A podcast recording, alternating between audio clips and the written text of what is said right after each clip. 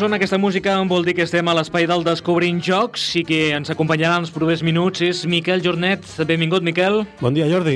Avui portes un joc que porta per títol King Domino. Sí, un joc que és, està entre els nominats eh, de l'As d'Or, que és un premi que es dona al Festival de Jocs de Cants, eh, que es fa a finals eh, d'aquest mes de febrer. O sigui, una novetat també.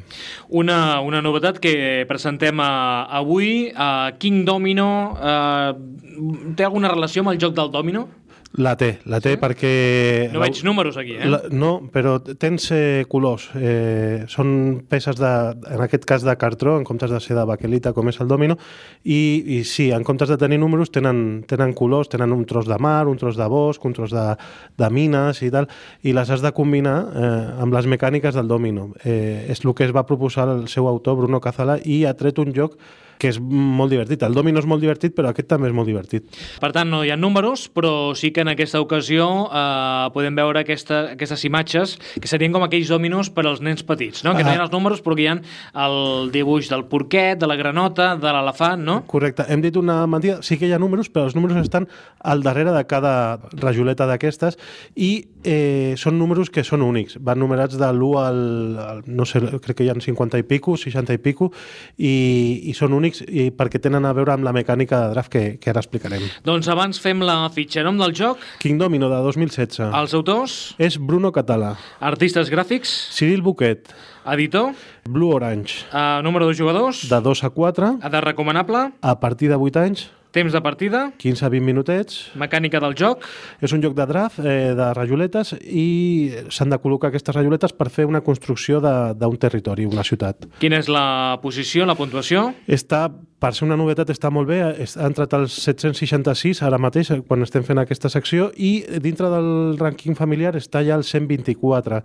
Té una nota mitja de 7,4 a la Board Game Geek, que és la comunitat mundial més famosa dels jocs de taula. No està malament, llavors, eh? No, està molt bona puntuació, molt bona entrada. joc nou, per això mateix. El preu? Eh, 19,95 aproximadament, eh, depèn d'on s'aconsegueixi.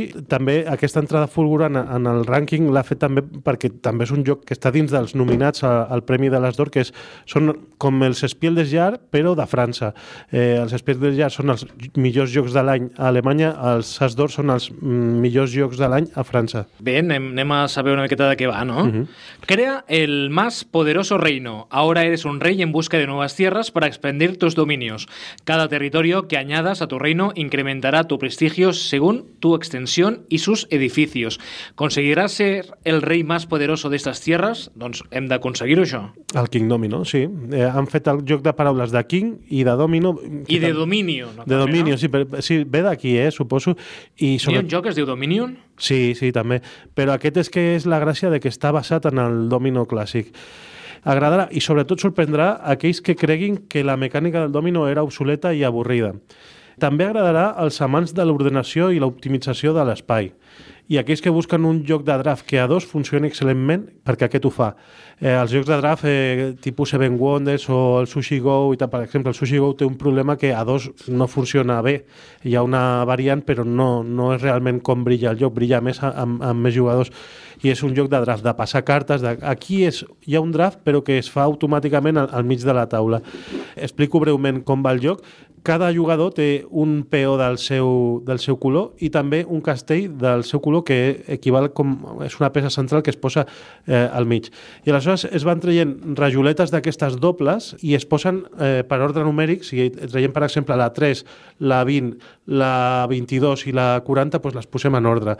I a la primera selecció es fa una mica a sorts, però a partir d'aquí es treuen 4 més i també es, es col·loquen numerades, 31, 8, 21 la posem entre el 31 i el 8 i 18, que la posem entre, entre aquestes dues i així ja estan numerades eh, en ordre ascendent.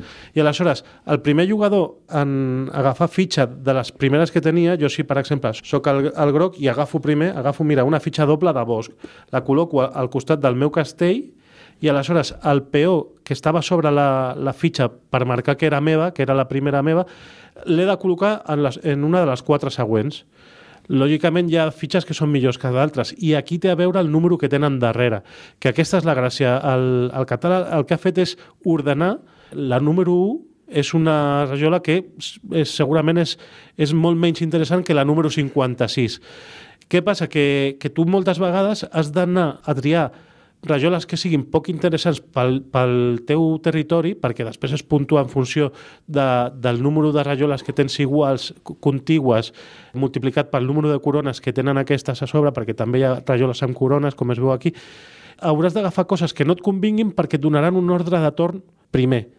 O sigui, si vols ser primer, si jo vull ser primer en la següent ronda, he d'agafar aquesta que és dos d'aigua, que no té res d'interessant.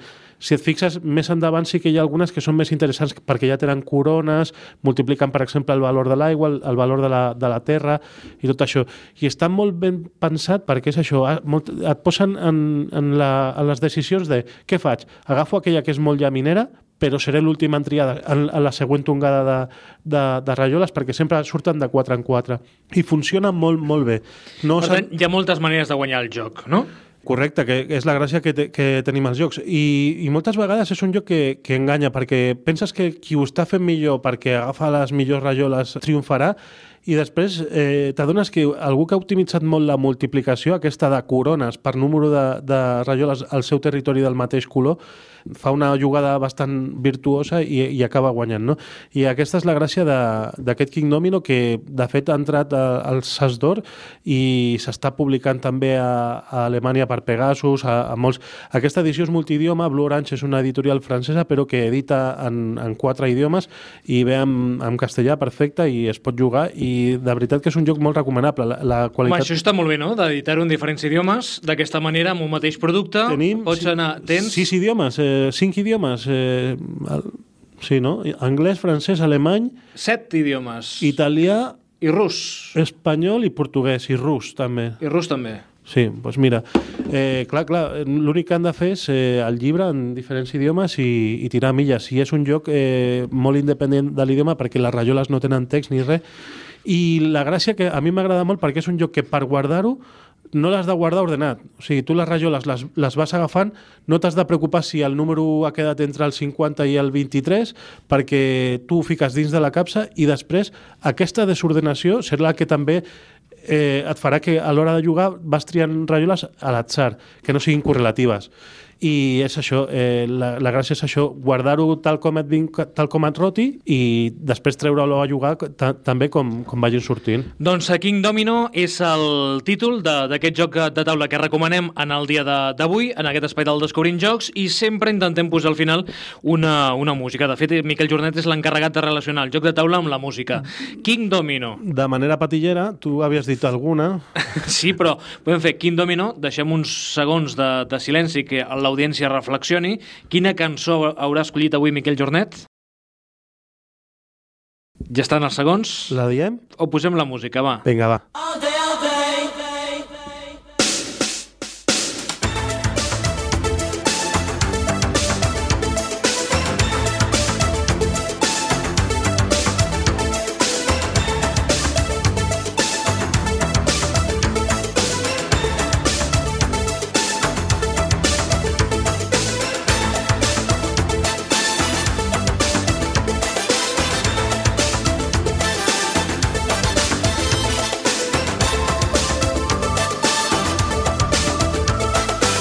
Intentarem avançar una miqueta la cançó perquè això és Domino Dancing dels Pet Shop Boys, eh? Amb guitarra espanyola i tot, eh? Va ser, eh, crec que sortia a l'Introspective i va ser la primera cinta que em vaig comprar jo quan tenia els meus primers calerons. Cinta, eh? Cinta de casset, eh? Sí, sí, sí. Ara diuen que torna la cinta de casset, eh? Si ha tornat el vinil, ja... Per això mateix. Watch you dance with danger, still wanting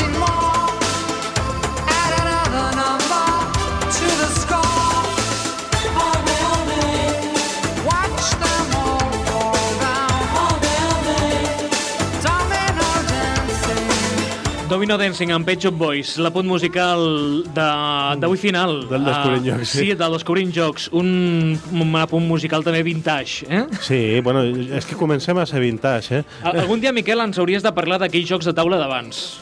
Algú- Hi ha una part de l'audiència que diu està molt bé que parleu de jocs d'ara, però m'agradaria que el Miquel un dia parlés de, de jocs d'abans. Algun clàssic podem No et portar. parlo només del Monopoly, que sé que és el joc que no t'agrada gens, però No. hi ha el Cluedo, hi ha molts. Bueno, bueno, mira, dintre de la, dels que estan nominats a l'Asdor hi ha l'Unlock, que és com un Cluedo, bueno, és un escape room vitaminat. És que, clar, a mi m'agrada més eh, les reactualitzacions perquè funcionen bastant millor. Es nota que hi ha dissenyadors ja mm, que s'estan guanyant la vida professionalment en els jocs de taula. Lo d'abans era una mica més amateur i fins i tot no sortia el nom a les capses. Uh, doncs farem un dia això, Miquel. Farem un uh, Descobrint Jocs Vintage. Vinga. Fins a la propera, Miquel. Domino dancing